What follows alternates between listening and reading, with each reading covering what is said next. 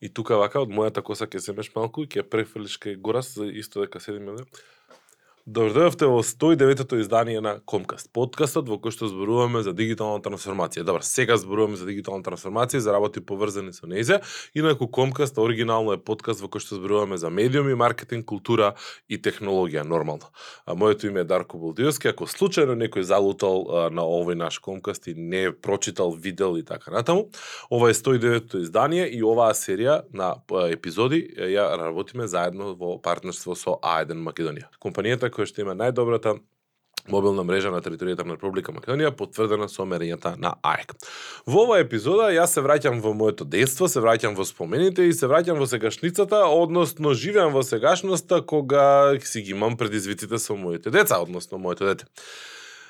Зборуваме за гейминг. Да, гейминг, барем во некоја фаза од животот, секој од нас се почувствувал како геймер, киснал на, на игри и така натаму, но зборуваме и за сите оние кои што го поминуваат своето време во автобус, воз, авион и така натаму, дремејќи на телефони, играјќи онакви кежуал игри. Зборуваме со кого друг, ако не со Горас Цветковски. Човекот кој што меѓу другото е организатор на Game Festот, кој што четврти пат оваа година се случуваше пред неполна една недела. Отвори отворивме доста интересни теми, се обидовме малку да продискутираме за влијанието на игрите, за развојот на игрите, за тоа како се прифатени, за тоа колку е голема и важна оваа индустрија и како нормално нели кај нас се развиваат и одвиваат работи. Се надам дека ќе уживате и дека ќе издржите до крај затоа што јас и Гораст одвај се обидовме со мака да ја завршиме а оваа епизода пред да истече четвртата, седмата, шестата, петата картица наполнета со видеоматеријал. Аз се надам дека нормално не слушате аудио и ќе не слушате и понатаму на Spotify, Deezer, Apple Podcast, Google Podcast и останатите аудио платформи каде што може би обожавате да ги добиете вашите подкасти. А сега, магично на моето место, ќе се појави дечко без коса.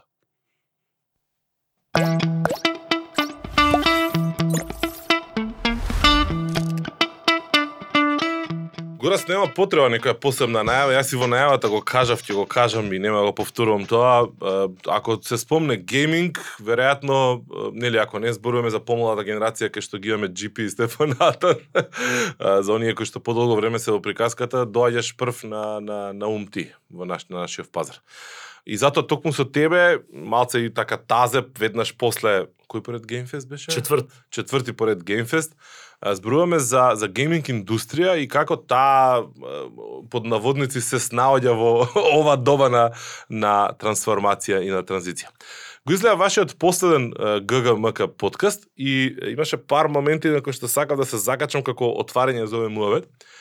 И ќе се закачам на еден момент кај што вие се ословувавте меѓу себе као нрдови, дека сте субкултура и дека државата требало да помага и дека компаниите требало да помагаат и така натаму.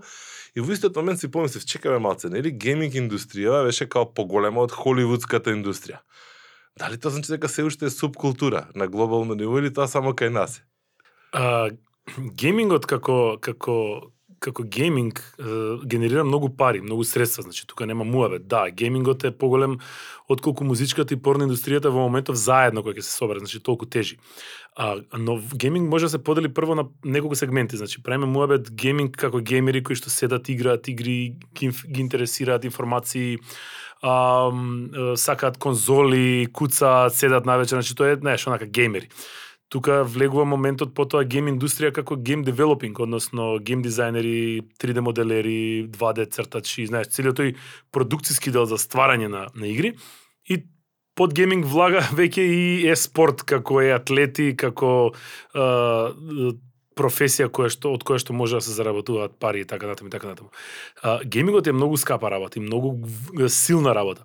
Тоа што го зборувавме во емисијата е тоа дека а, за да се за да се популаризира, не да се популаризира туку за да се информира во врска со геймингот. Тоа е една ниш појава која што поголемиот дел од иако таа тежи многу. Тоа е знаеш како како да речеш во Америка дека вестите на CNN за не знам за војната, не знам каде се погледани од колку вестите за гейминг. Да, тоа секогаш ќе биде така заради тоа што секогаш има повеќе луѓе кои што се засегнати од од цената на лебот.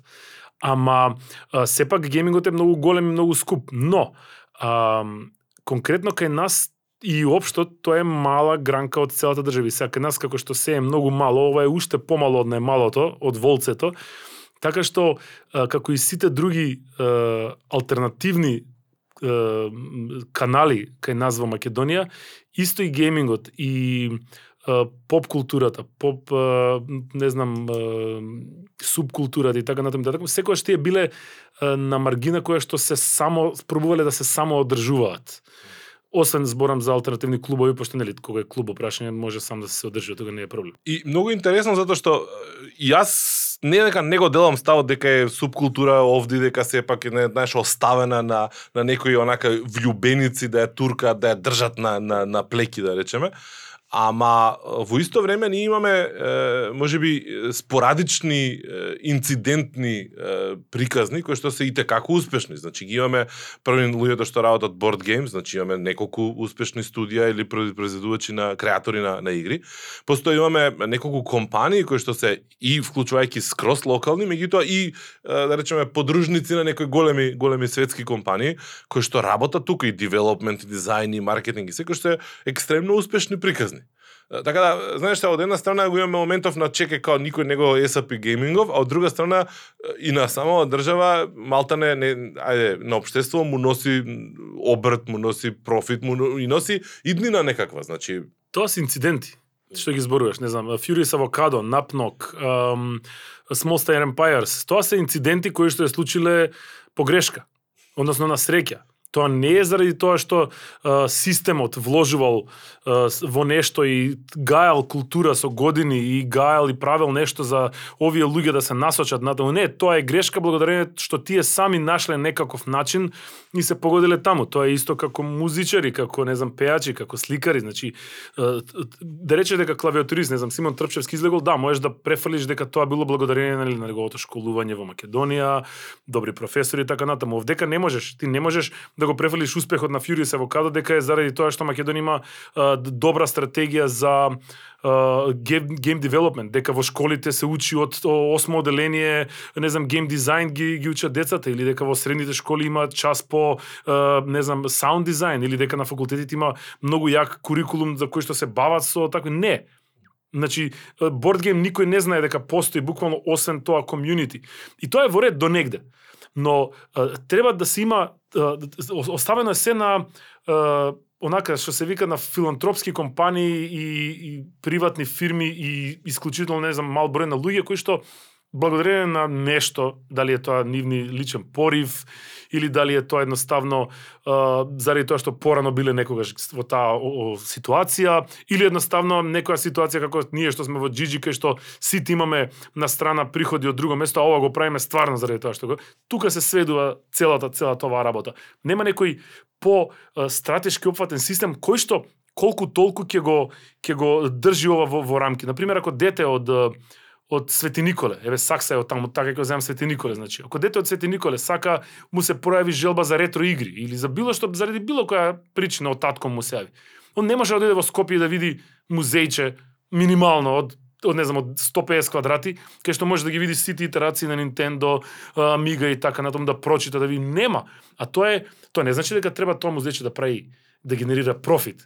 Значи тоа е исто како театар, ти не можеш од театар да бараш да генерира профит. Тоа е храна духовна која што не може да ја мериш на тас.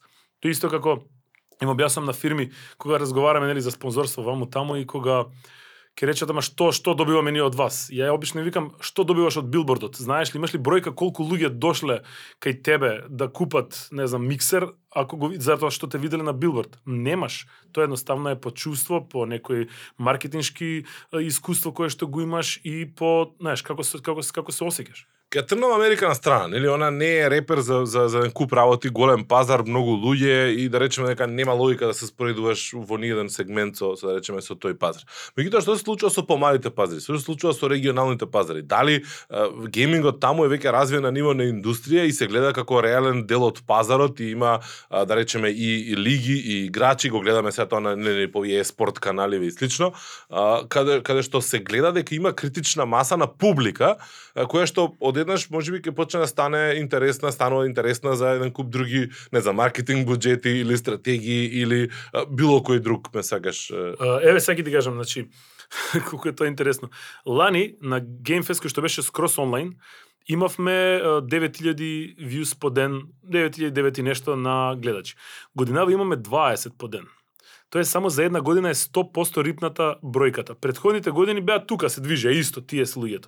Значи само за една година се качила бројката на на луѓе што ги интересира геймингот многу. Тоа е тоа е многу голема бројка. Ако до пред 4-5 години кога ме прашува ако кава е комјунитито, гейм комјунитито, ја викав околу што знам, тие се тие 7-8 илјади луѓе кои што пратат, кои што гледат, не. Сега тоа е толку е, канцерогено расширено, вирално расширено, заради тоа што сите деца знаат што е Fortnite, Сите сакаат да играат, знаат што е PlayStation, знаат што е Nintendo Switch. Сите ги интересираат. Дополнително за тоа, нели, го добивме Сакса, ги добивме дечкиве што победија е, е, годинава на ISF. Така да тоа се значи работи кои што кои што го го, го креваат е, ја креваат свеста на деца кои што до претходно не биле сигурни дали е тоа добро, дали не е добро, родителите не биле свесни дали тоа треба да се деса, дешава, дали не треба.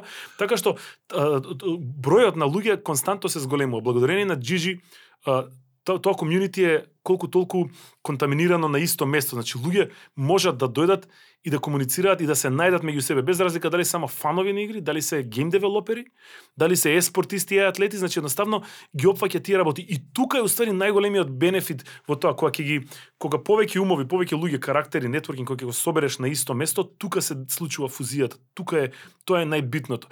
И затоа е од од основно, значи, многу е важно суштината на тоа да се случуваат што повеќе настани кои што се поврзани со овој тип на култура, значи зборам за а, а, со, собиранки за стрипови, собиранки за косплеи, комикон тип на, на, на фестивали, не знам, собиранки за дизајн на борд геймови. Значи тоа е еден тоа е еден аспект кој што кој што можеш комотно да си ја храниш младината и да знаеш дека е на, во една добра насока која што ќе помогне и ментално и физички да се развива. Ако ти направам дигресија, значи имаш веројатно стотици другари кои што од двај чекаат да дое петок вечер да изнаемат негде куќи да се соберат кај некој подрум да играат Sony PlayStation фудбал да се плескаат. Меѓутоа никој под себе се не се гледаат како геймери, него они се Ентузијасти, да речеме.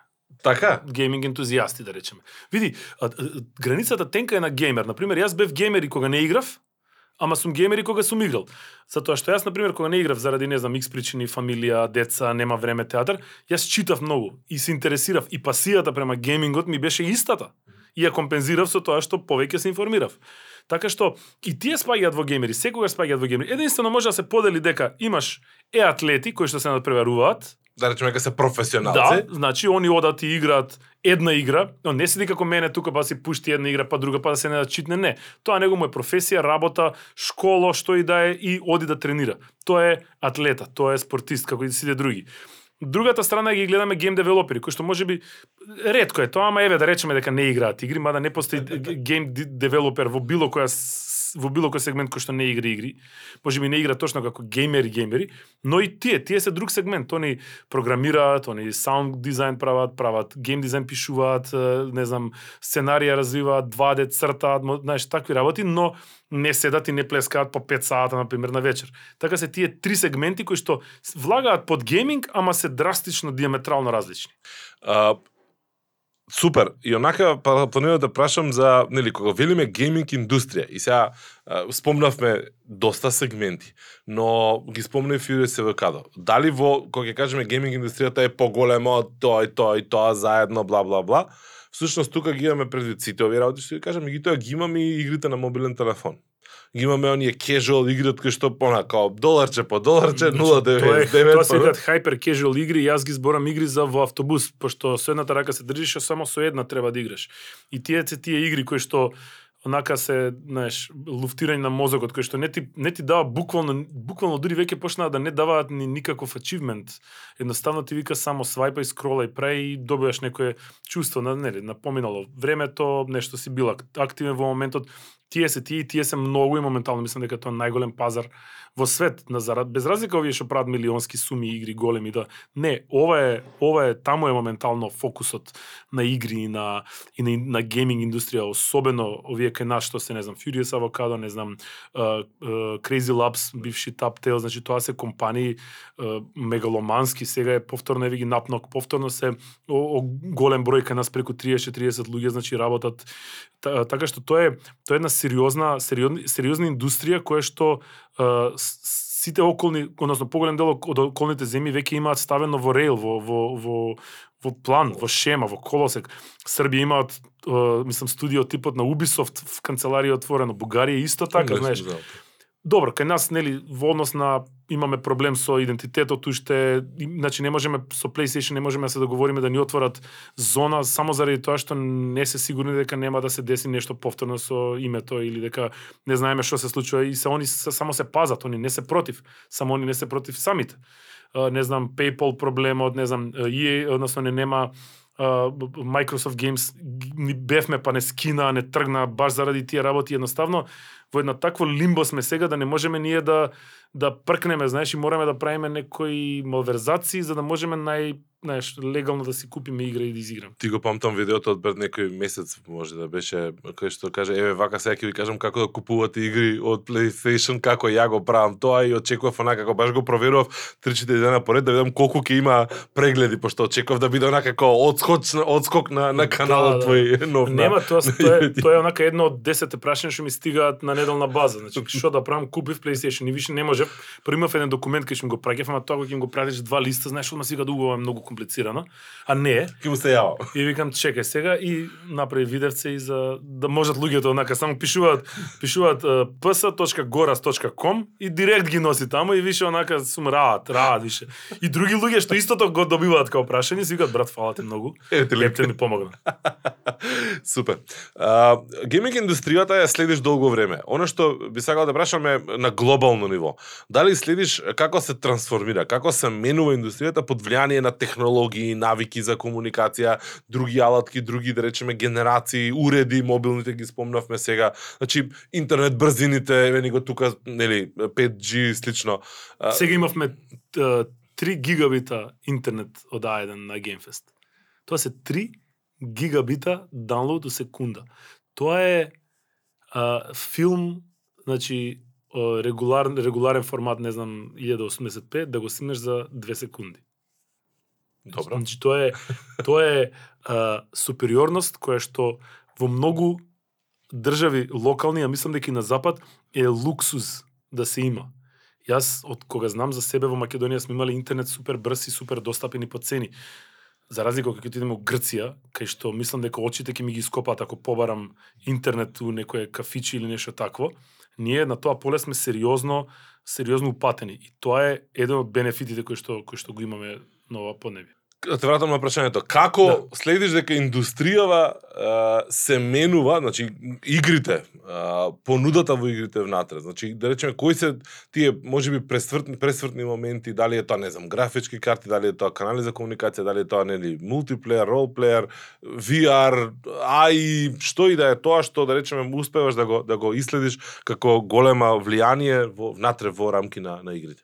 Um, и гейминг индустријата не е имуна на аждерите за пари за финанси нели на на, на тој момент. Така што а, многу, значи повеќе почна а, не знам фирмите, компаниите а, на на игри креаторите, студијата да прават игри кои што се лесни за дегустација кај луѓе. Значи во, во, моментов преовладуваат игри што се како Fortnite како Dota. Тоа се значи типови игри, едната е Battle Royale, другата е моба ги викаме. И сега таму се знае дека тој тип на игри многу лесно поминуваат кај кај пу, млада публика, деца што играле, деца што не играле, возрастни едно. И голем дел од игрите кои што пробуваат да се наметнат сега ги имаат тие тој жанр. Но ам, останува и оној друг сегмент, поготово од големите студии кои што сакаат да прават блокбастер игри кои што коштаат милиони долари, во кој што има само наратив, само приказна, добра графика и нормално со секоја конзола наредна графиката е се по, подобра, um, мислам тоа нема потреба да се збори, тоа е тоа е веќе до, имаше пред пред неколку дена излезе демо за Matrix на PlayStation во кое што комплетно се заменети лицата на Киану и на Кирен Мос од Unreal Engine. Го гледавме Значи, пред да, тоа е онака знаеш, сулудо колку е добро тоа. Уште имаат проблем со липсингот, односно уста, устите уште не можат, ама мислам дека упрашање се две, една, две години кај што и тоа ќе го доведа до совршенство. И веќе тоа е, пази, тоа е алатка која што му ја даваш на човек и он со таа алатка треба да има само идеја и да го направи тоа што сака. Така ги трансформираш дека спорано ако требаше да имаш тим за не знам какво предзнаење да треба да програмираш, сега го трансформираш секој човек да е сам студио. Се што му треба е добра идеја, да има желба и да седне и тоа да го почне. И последно нормално ќе ќе ќе стигне кај треба да оди. Во тој аспект игрите се повеќе и повеќе се достапни на многу поголем квалитет да можат луѓето да ги прават и се со поголем квалитет. Сега веќе намерно се влегува во оној сегмент на да ги правиме игрите малце ретро, затоа што, знаеш, па све све да е топ ноч, све да е со ултра добра графика, не е веќе ни тоа интересно. Исто многу интересен тренд е дека компаниите почнаат да ремастеризираат многу игри. Еден куп игри кои што беа порано познати, они сега ги вадат као за нова конзола, но истот, истиот контент све и се доплаќаат пари. И сега тоа е интересно од два од две страни. Едниот аспект е тоа дека они таргетираат луѓе носталгичари кои што се на моја возраст, кои што се возрастни, кои што веќе имаат средства да си ги платат тие игри да ги земат. Од друга страна па таргетираат млади луѓе, деца кои што тек се влезени во геймингот и кои што вредат, вреди да ги видат, пошто тоа биле легендарни игри, игри легендарни приказни, легендарни ликови, франшизи. И е штета тие да завршат таму и не знам да стигне наместо да стигне девети дел, може на четвртиот дел да рече дечки правиме ребут или ремастер на GTA на пример, трилоджи. И сега добро, се, не секогаш е тоа успешно и на почетокот и така натаму, така но тоа е исто така многу голем тренд кај што се рециклира веќе веќе совршената формула, да речеме. Тоа што некогаш успеало, сега пробуваат да го рециклираат во сегашни услови, односно со подобра, подобар хардвер, нови методи на монетизација, нови начини на комуникација, маркетинг со луѓето и така натаму. Баш тоа ќе те прашав, пошто ако геймплеот е од пред 20 години, и ако ти само го ја рекреираш графиката и остане на исто, дали геймплеот тогаш добар може да помине денеска? Да, значи тоа е како како не знам драми од Чехов, драми од Гротовски кои сакаш земји и ќе речат и Горан Стефановски како и како да е сега за денеска пишувано. Значи многу многу слично е, е и тука. Со тоа што многу често прават грешки кај нас мислејќи дека доколку ги апгрейдуваат работите ќе направат подобри работи наместо да ги остават истите. Ама се и, и тоа е дури знаеш секогаш и тоа не идува на на нож со две острици заради тоа што од една страна сакаш кога ќе рече сакам да ми е исто ама сакам да ми е боле. Е, Не може, значи не може ти и таа физика што си ја добил тогаш со тие 13 полигони за нос што му биле како пирамида, да сакаш истата физика и све да е сега со 50 милиони е, воксели за да изгледа совршено. Значи мора да има некој трейдов. И тука сега се паѓа во во вако дополнително знаеш како што кажав, ак, акционерите бараат бараат како се резултати, бараат бројки, Раст, бројки раст. и многу игри пропаднаа благодарение тоа дека едноставно кога оние пичувале играта на еве не знам конкретно ќе кажам на City Project Red э, Cyberpunk. Значи они кога ја пичувале, они пред пред позади себе има една од најдобрите игри во човештвото што човештвото ги има видено, вечер И они кога ја пичувале својата игра на шерхолдерите, тие сите рекле шаком и капом, дечко работи.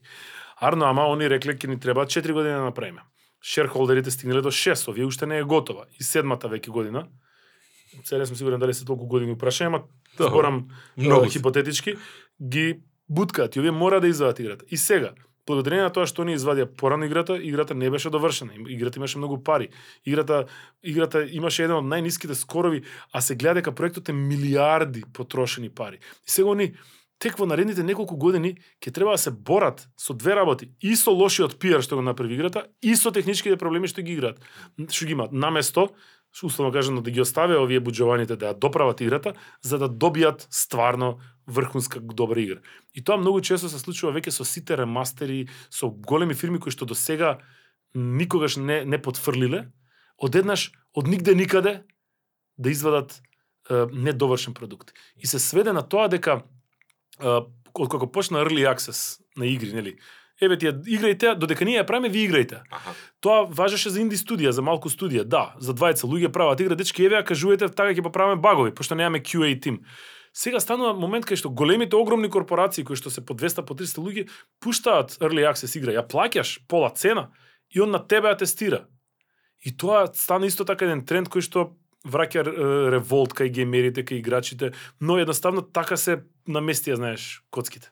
Баш сакам да те, да те поврзам со тоа. Колку денеска под влијание на развој на технологија и со ова што го зборуваше забрзан развој и така натаму, а, инди студијава, инди игрите можат да бидат нели реално глобален успех а, наспроти блокбастерите за кои што стојат големи компании, големи маркетинг буџети. Затоа што а, нели и сам кажеш дека тука се цели машинери со реклами, со промоции, со кампањи и слично направени. А, колку едно ин, едно еден инди наслов, ако е стварно добар, ако стварно носи нешто реално добро во него, може да исплива на пазарот и да им каже на овие други века џабеви буџети, џабеви се. Како и за други професии, како и за, не знам, инди филм, и како и за, не знам, млад глумец, како и за добар нов чевлар кој што дошол на во Стара Чаршија, истата во иста вода се се ставени, во ист кош. Така што а, пазарот за мислам и за се друго е многу сатуриран, премногу сатуриран, дополнително нели заради тоа што има многу алатки кои што многу лесно можеш да направиш игри. Но зарад, без разлика на тоа има па сега и многу платформи на кои што ти можеш да се појавиш за игри. Има многу хакатони, има многу гейм джемови на кои што ти можеш да дојдеш и да учиш, да видиш, да направиш тим, да пласираш игра, идеја која што потоа може да се пролонгира и да проложи во сериозен проект. Мислам дека негде прочитав дека м, месечно излегуваат по 10.000 инди наслови на Steam или некоја таква работа и тоа е тоа е тоа е проблема што и дури и тие убави работи се губат во таа во таа какафонија од, од многу работи, од многу наслови, од многу игри, од многу различни типови. Во прашање е сега, тука веќе кога ќе насети некој добра игра, како тоа ќе го направи да малце да исплива на површината, дали е тоа преку некој добар стример, да ја поигра малку, дали е тоа да најде некој добар канал за да ја пушти за да се спомне во некој комјунити таа игра.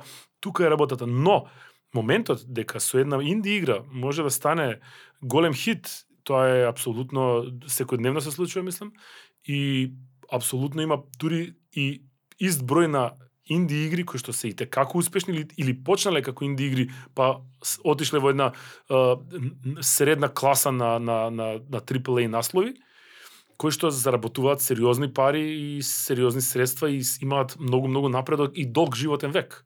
Така што шансите да успее инди игра во ова време се мислам дека многу поголеми заради не само заради тоа што е та, не знам технологијата на тоа време, не, заради тоа што сега хипстерајот е на цена за разлика од пред 10 години кај што хипстерите или 20 еве кај што хипстерите беа малце по така како чудни се и осте го овој чита стрипови, види го, овој носи наочери и јокац, таков, знаеш, начин флипеница. е.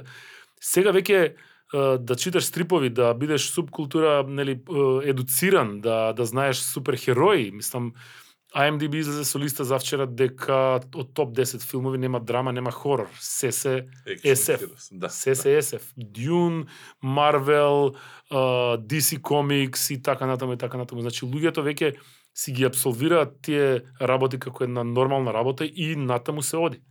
А, имам уште еден сетна сет на сет на прашања кој што вклучува поп култура, односно мејнстрим култура и влегување во таа гейминг култура. И чадорот на на темава ми е метаверс, нели метаверс, тоа главниот баз збор за ова овој период од годината и веројатно цела Среќа на крај излезе па и цела следна година. А, пред да седнеме да снимаме, прочитав една вест дека Ралф Лорен својата нова зимска колекција ќе ја промива во Roblox внатре. да. И тоа се случува веќе премногу често. Значи, не знам, Adidas има влегува во NFT, влегува во игри, влегува во таму, во таму, значи се случуваат разноразни концерти во Fortnite и во еден куп други, во еден куп други игри. А, дали е ова, да речеме, последното ниво на геймингов е мейнстрим и е тука и као да го зациментираме и сега ние ќе идеме како мона идиоти да фатиме и ние дел од приказка врската, пошто закаснивме веќе или ова е тек почеток на нешто Јас многу воздржан во однос кога станува NFT и криптовалути и блокчейн работи. Јас не верувам толку многу, не сум толку многу упатен за да можам да дискутирам, но според мене, тој тип на екзибиционизам од типот на NFT, купување на, не знам, 150.000 долари, не знам што во NFT и така натаму и така натаму, ми е се уште момент на на екзибиционизам, како што кажав, на, на, на авантура на веројатно богати луѓе кои што сака да се тестираат. Тоа е окей за, е, за Ралф, Ралф Лорен, например, што сака таму да го протне заради тоа што да, он експериментираат сите. Roblox е едно од нај посетените игри, тоа се милиони играчи дневно. И тоа е многу интересен концепт. Иако звучи многу наивно, тоа е сериозен, сериозен стратешки потек. Само што он може да си го дозволи тоа, без разлика, после тоа ќе ја бапне колекцијата во некој излог на, на не знам, у Нью Йорк, на Таймс Сквер, и таму ќе се оди и ќе се купува. Али да, промоцијата му било, нели, алтернативен начин да се најде. Некој ќе најде алтернативен начин, лани беше промоција онлайн, не знам, преку VR или преку AR доли веќе почнуваат луѓето.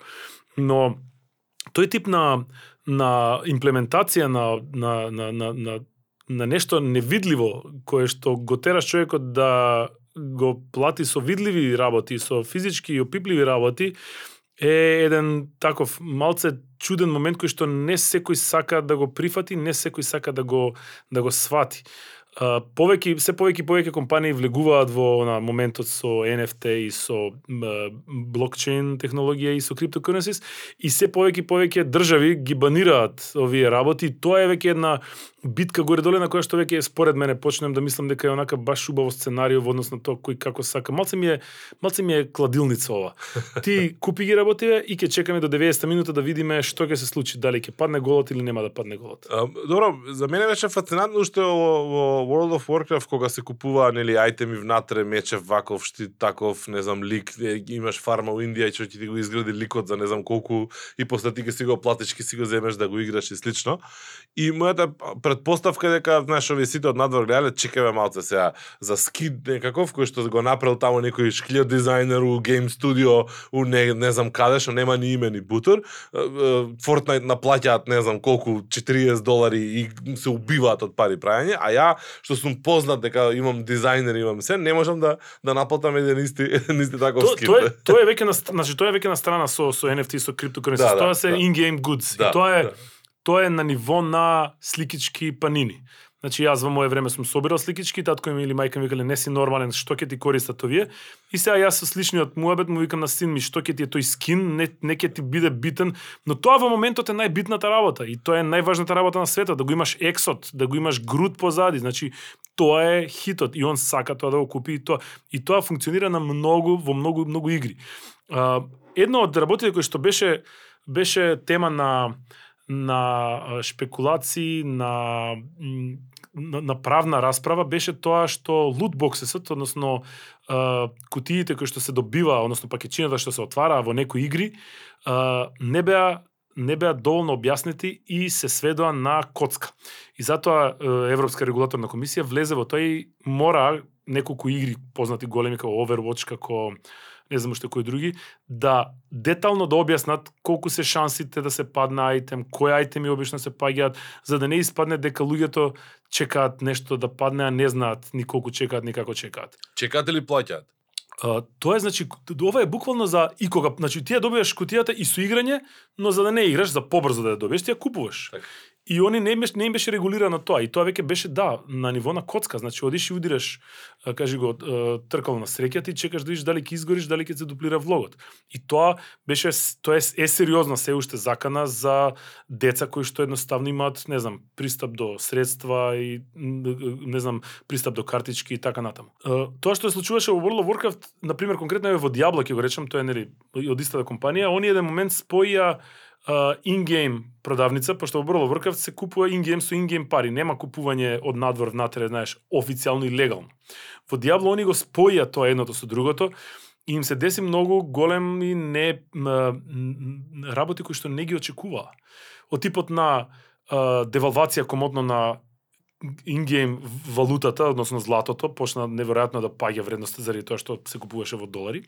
Од друга страна па стана таа продавница мета на перење пари, односно трансфери на пари од илегални овако значи се купува прстенчиња ово за вистински пари. Тоа преку PayPal си одеше симлес си се повлекува. И ја скинаа после тоа заради такви работи. А тоа што јас како кинес имам направено фарма од 10 другари и давам услуга во која што ти викам дечко знам дека сакаш да играш со твоите другари и да играш знам дека до сега си играл Rogue, ама сега ти многу филм да играш Warrior Не е проблем, дај ми ти мене 10 евра, јас за 3 дена ќе ти го излевелирам со моите другари твојот лик на тоа. И тоа е веќе услуга која што до негде им можам да си ја да си оправдам заради тоа што он не штети на некој. Он може би мене само уживањето да јас излевелирам условно кажано ми го ускратува, ама јас кога сум одлучил дека сакам да играм со другарите на 60 левел, не ми не ми пречи да го дадам. И тука тука на почетокот беа тие конфликти, демек дали е тоа добро, не е добро, но мислам дека според мене тоа е легитимна работа. Ова другото е не толку. А, колку за, ајде пак ќе кажам, вас геймерите, пошто јас себе си не се чувствувам како геймер, пошто прво не играм Носиш дуксер, значи геймер си го. Така, Да. тоа е дефиницијата. А, ја мислев само урбан лик дека сум Да, да, да, да. Хипстер урбан, урбан хипстер геймер. ноќар, имам Да, да, да, да, да. се поклапам. Можам Тие да можам да глумам дека сум геймер Ти си скрос хипстер, скрос. Значи, сега хајпот е, е, е метаверс. Као, сите нешто од меинстрим ниво, чуле, сега, нели, Facebook станува 90% не разбира че е мета зборот. Е, имаше една многу добра дефиниција од еден локален медиум, ама тоа ќе ти го пуштам линкот да, да видиш друг пат. Прашањето ми е, значи, геймериве живеат во тој виртуелен свет и функционираат во тој виртуелен свет со години. Значи, ја ако ќе сакам да направам некака така референца за виртуелен свет, јас кога обучев у теорија за виртуелни светови, почнувавме од Dungeons and Dragons, ме сакаш. Значи, Да. за ролплей замислено и така, значи немаше ни, ни видео, ни телеви, ништо, значи технологија нула, само само глава. И доаѓаме до денеска во кој што во свет во кој што е, се случуваат вакви работи, значи развој на ликови, градење на ликови, историја цела таму, пари, инвестиција, терго, значи Fortnite концерти, не знам, Roblox, еве ги Ralph Lauren промоции, свашто. Значи се дешава, се дешава се и се што. И на геймериме тоа им е секојдневие. И сега одеднаш доаѓа, уа, метаверс, уа, секој биде виртуелно, уа, како гледаат геймериме на тоа? Мислам дека ги заболе уво за тоа, буквално. Тоа се што се збореше све концепт и се дека ништо не се случи. Беше тоа, се ребрендира, го спомна, покажа како ќе изгледа аватарот, што ќе се случи, ама тоа ништо не, не ги тангира у моментот заради тоа што апсолутно нема ништо што се смени. Утре да станавме и пак Facebook си каже Facebook и ништо не ни интересува. Не, добро, тоа беше обид на Facebook да да сака да каже јас сакам Така, да бидам да. дел од приказкава. Знаеш, тоа е, тоа е како моментот кога на времето, значи пази, виртуелни хедсети се правеле, се сеќавам се правеа јас кога бев в средна школа, значи имаше цели кациги Косачот како во кое што ја ставаш, на пример, не, јас бев јас во втора година средно и имаше виртуелен хедсет од една играчница што викаше 3DX, 3DFX во во Скопјанка. И ние одевме таму за да видиме како тоа изгледа. Значи тоа не е некој концепт тазе сега, не, него тоа од секогаш било. Само што паметните луѓе тогаш рекле дечки ова е премногу рано, немаме ние технологија за ова да биде добро и да изгледа како што треба. И го баталија. И долго време немаше ништо. Па пак се пред 4-5 години пак се популаризира тој моментот нели на VR, кај што се излегува сега HTC Vive, Oculus Rift, uh, uh, PlayStation, значи кои што направија сериозни, сериозно добри хедсетови кои што веќе може да играш со голема резолуција, со многу малку процент дека ќе се лоши, ама уште не е таму. Се уште, се уште virtual reality не е таму каде што треба да биде за да биде virtual reality кај што ќе седнеш и кај што ќе играш вистински игра. И тоа ќе му треба време. Истото е и со метаверс. Он може да направат е, аватар кој што ќе можам јас да го контролирам. Ама тоа ќе биде, знаеш, момента кој јас сакам да играм social life некоја игра или некоја, некој нешто такво. Мене пак ќе ми биде кеф јас да си изиграм, да речеме, не знам, Counter Strike или ќе ми биде кеф да изиграм, не знам, Last of Us, да ја видам приказната без тој мој аватар келјав што личи на око, него не, сакам да изиграм приказната, книгата која што ми ја напишал авторот, сакам да ја прочитам и да видам како он ја замислувал. Истото и со игрите. Така што дека многу нешто конкретно се смени сега во тој поглед или дека се очекува да се смени, тоа мислам дека не зависи, да зависи многу од метаврс или од било кој. Него едноставно работите ќе се менуваат како што ги го замислуваат е, пазарот, компаниите, девелоперите, студијата кои што го прават тоа. Според мене технолошки сме на многу едно високо ниво. Многу, многу, значи игрите изгледаат неверојатно реалистично. Тука веќе ќе се добие нели овој матрикс моментот што го зборам. Следно кое што веќе ќе треба да се борат компаниите е идеите, а, приказната, играта, механиката, сторијата што ќе ја раскажуваат и пакетите кои што ќе ни ги нудат во однос на повеќе игри, помалци игри, претплата ваква, претплата онаква, пошто едноставно технолошки веќе нема потреба да се оди негде негде нагоре. Следен голем чекор е според мене virtual reality хедсетите, дури не е ни AR, пошто AR е окей, ама тој е гимик за играње. Са не да ја гледам ја околинава. Јас сакам во играта да ја гледам играта, ја бегам од околинава за играта. Кога ќе дојде момент кога хедсет ќе биде индивидуална направија, која што ќе се вр... стави на глава и која што нема да ми треба кабел да се поврзам и која што ќе чини како, не знам, скуп маус, например. Многу скап маус, да речеме. А, добро, за тој те прашав на почетокот, нели во моментот на дали игра од пред 20 години ако има добар геймплей може да функционира сега и пак се сведуваме на тоа дека технологијата е секундарна. Мислам, графиката е секундарна. Ти можеш да кажеш вау и, и филм со специјални ефекти и кажеш вау, ама тоа е Значи, ти очигледно им, пар, им прави пари на, на индустријата. си и прави кажа. Пари, ама Б- моментално ти сам си кажа Dungeons and Dragons, значи тоа е тоа се коцки кои што се со 13 бројки на нив и тоа е поаналогно од тоа не може да биде. И тоа е сега исто така возбудливо за група на луѓе да го играат. Ти викаш демек нова стара игра во нова технологија, демек е добра игра. Не, стара игра во стара технологија да ја пуштиш е се уште вредна, значи Супер Марио. Не ти треба тебе редизајн на Супер Марио Cats или Тројка едноставно. Супер Марио Тројка е Супер Марио Тројка. Да, имаш и Одиси и Супер Марио World и такви работи кои што си го носат своето Супер Марио. Ама ти не ти е проблем да седнеш и да изиграш Double Dragon, да изиграш Final Fight, да изиграш Beat 'em up такви од флипери, значи вклучувајќи ги и помладите луѓе, одностане можеби не нив не им е интересно тоа толку како не знам како Fortnite заради тоа што таму има другарчиња. Ама има, има апсолутно Э, за анимација која што е plausible а, да се одам некако да го привршувам моето, иако нема крај, ама нели мора да има некако. Не, рековме дека нема бидеме како ние два сати Да, да, да, Роган скоро. емисија и слично. Седум А- епизоди од едно од еден едно интервју. Ке има други прилики во секој случај. А, дефинитивно цел ден, цело време денес зборуваме дека искуството на, на, на, на играчот, искуството на корисникот од страна, искуството на нели, конзументот се менува под влијание на технологија, под влијание на геймплей различен, под влијание на комуникацијски нели алатки кои што е внатре во игри, надвор од игри, пошто сега нели имаш еден куп сервиси алатки кои што можете стават во комуникација со тие што играш, без разлика дали играта го има вградено внатре или не и така натаму, за да комуницираш, за да го фатиш сеирот полесно, пошто прво Да. ние сме играле у иста просторија, па се дереш ко будала да те чуе тој, уствари, ме да. сваќаш? Е сега го имаат нели со хедсет дома и се дерат си го фаќаат, си го фаќаат сеирот. Да речеме ајде да се обидам да да кажем последното прашање би било како ова искуство кој кое го менува корисникот, нели, низ игрите, може да го детектираме дека го тера тој играч, тој корисник да ги смени своите очекувања надвор од игрите. Хм. Um, тоа е тоа е мислам дека тоа е исто како во во животот. Кога разговараш со човек е, и ќе се разочараш од него е заради тоа што ти си очекувал од него да биде искрен према тебе како што ти си према него. Тоа не е така. Um, ако те сватив добро, значи тебе зборуваме сега за тоа дека во игрите тоа што што комуницираме во игри како се како влијае во комуникацијата надвор да речеме да. А, кога јас и ти игравме игри на времето, ние немавме чет. Ние немавме комуникација од дома да речеме. А, зборам за време, на моментот кога кога имаше период кога се одеше по играшници, кога се дружеше. Па дојде период кога добивме дома интернет доволно добар за да играме, но не доволно добар за да комуницираме. Па целата комуникација која што имавме предходно надвор ја се сведе на куцање дома, која што не беше добра.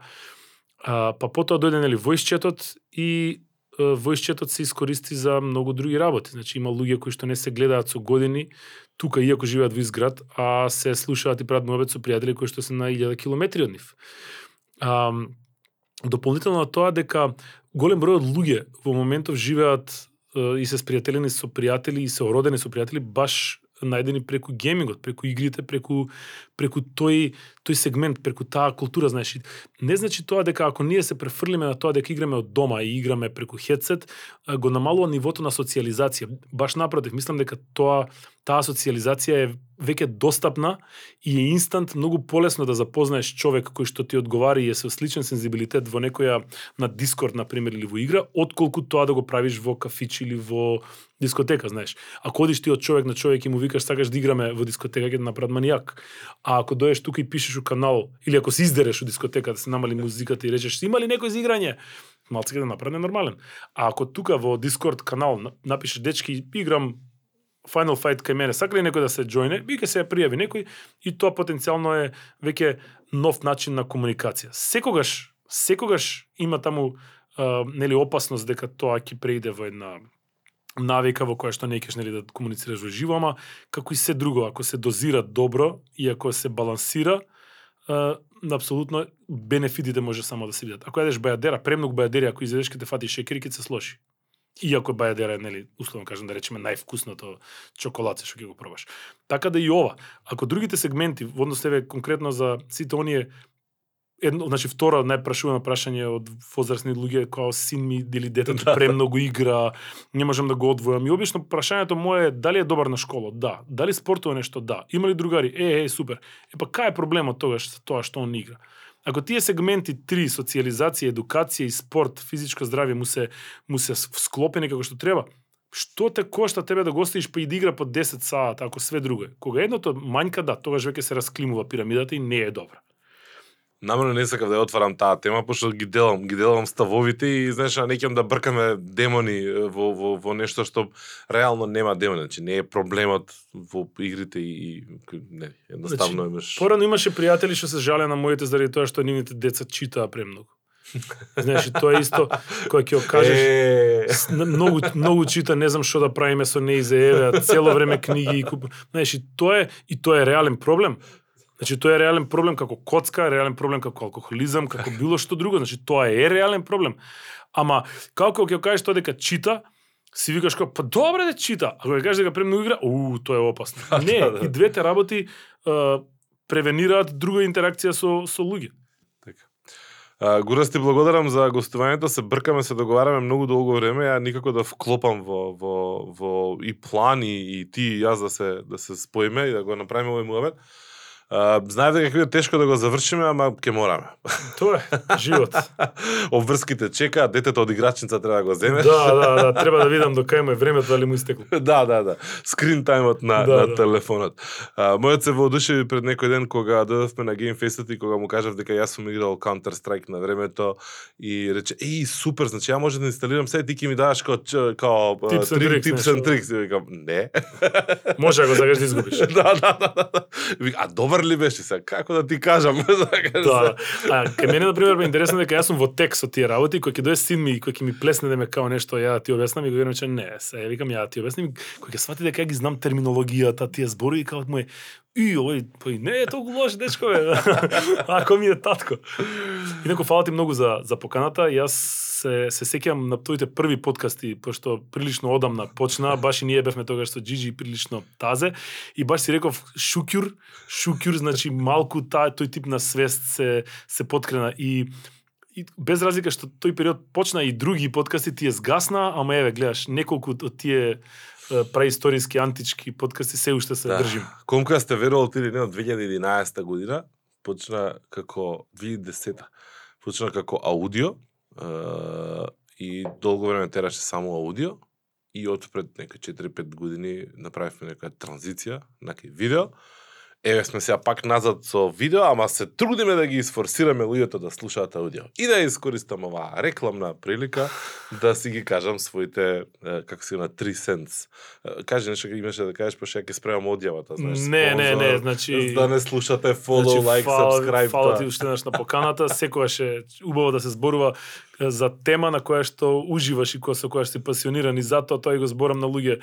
Замисли дека темата која што сакаш да ја збориш или филм кој што сакаш да го гледаш трае со сати со твоите пријатели, нема поубаво Со Така и така и се така и почна Джиджи уствари. Луѓе кои што сакаат да зборат за една тема која што нема крај и луѓе кои што се спремни да слушаат таа тема која што нема крај. И уште нема крај. Нема. А, Гурас ти благодарам, а јас кога веќе нели спомнав процедурално морам да кажам дека а, вие ако досега не сте го направиле тоа треба да кликнете на а, subscribe, follow, listen а, или кој да е копче се наоѓа на Се што е плеерот зелено вас. и што не е стиснато на Е, екранот. така, ако, ако, ако е сиво, е окей. Ако Да. не е сиво, мора да го кликнете за да стане сиво, значи дека uh, UI експертот, user interface експертот е решил дека нели вие треба да кликнете на тоа копче за да стане сиво.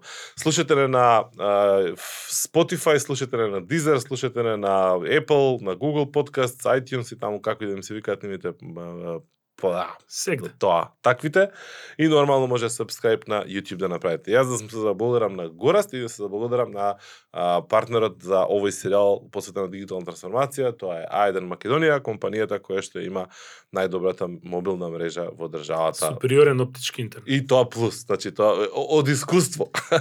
Ама не е, не е само муавет. Значи на вистина дечки, тој интернет што го добивме онака А, 2000, Фасиона. 2012 година ми излегува меморис некој пред некој ден на Facebook во Париз на Левеб на конференција.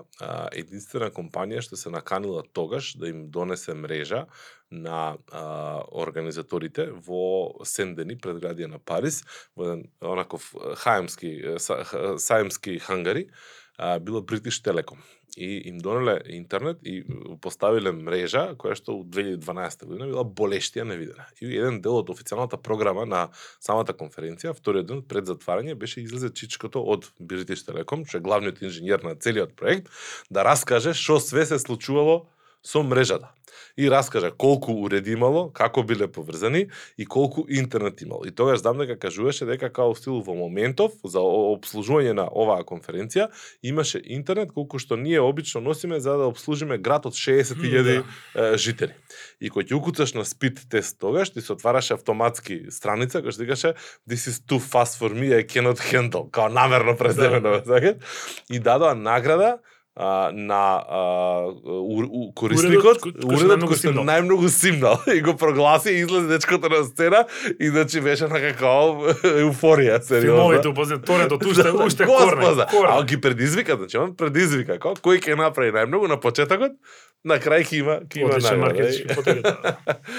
така да еве сега години подоцна, многу ми е мило што слушаме вакви вакви а, искуства. Те благодарам уште еднаш. Сто пати благодарам, еве. Толку, Готово, ајде, мора некако да завршам. Поздрав.